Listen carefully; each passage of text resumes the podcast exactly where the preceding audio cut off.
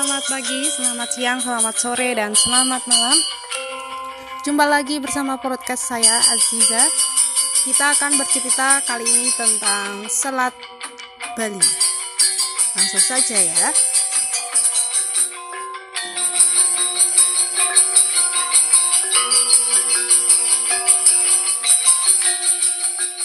Suatu hari di Bali hiduplah seorang brahmana yang kuat bernama Sidi Mantra. Sang Hyang Widya atau Batara Guru menghadiahkan brahmana harta dan seorang istri yang cantik. Setelah beberapa tahun menikah, brahmana dan istrinya memiliki anak laki-laki bernama Mani Angkeran.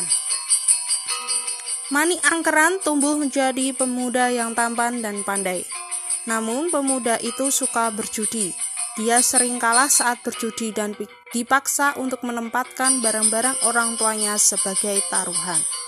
Pria muda itu juga tidak malu mengambil pinjaman. Karena tidak mampu membayar hutang dari kebiasaan berjudi, Mani Angkeran meminta bantuan ayahnya. Sidi Mantra berpuasa dan berdoa memohon bantuan para dewa. Tiba-tiba dia mendengar suara. Sidi Mantra, ada harta yang dijaga oleh naga bernama Naga Besuki di kawah Gunung Agung. Pergi ke sana dan minta naga tersebut untuk memberikan sebagian dari harta karunia. Sidi Mantra pergi ke Gunung Agung dan mengatasi semua hambatan selama perjalanannya. Sesampainya di tepi kawah Gunung Agung, dia duduk bersila. Saat dia membunyikan bel, dia membaca mantra dan memanggil nama naga Besukih.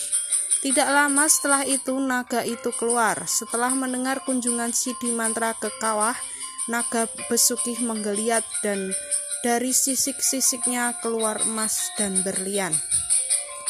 Setelah mengucapkan terima kasih, Sidi Mantra memohon diri. Setelah kembali ke rumah, Sidi Mantra memberikan harta yang dia dapatkan dari naga tersebut ke Mani Angkeran.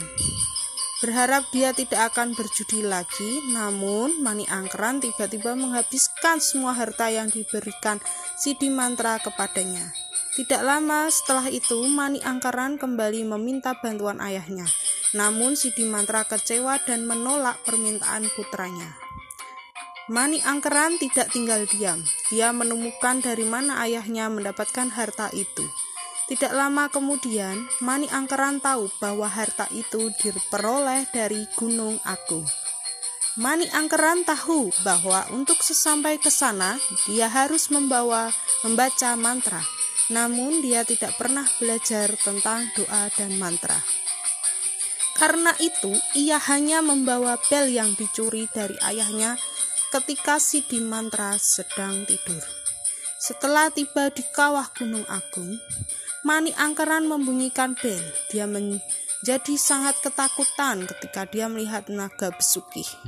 Setelah mendengar niat Manik Angkeran mengunjungi naga, naga besuki berkata, Aku akan memberikanmu harta yang kau minta. Tapi kamu harus berjanji untuk mengubah perilakumu.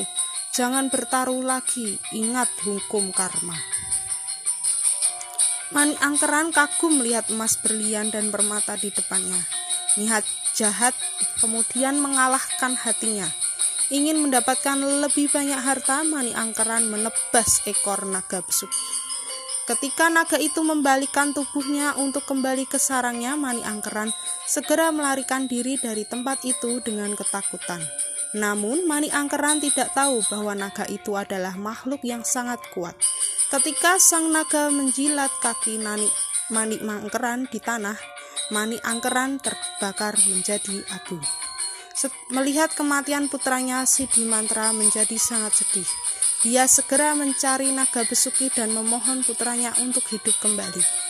Naga besuki mengabulkan permintaan Sidi Mantra dengan syarat Sidi Mantra mengembalikan ekor naga kembali normal. Kemudian dengan menggunakan kekuatannya Sidi Mantra menyembuhkan ekor naga dengan normal.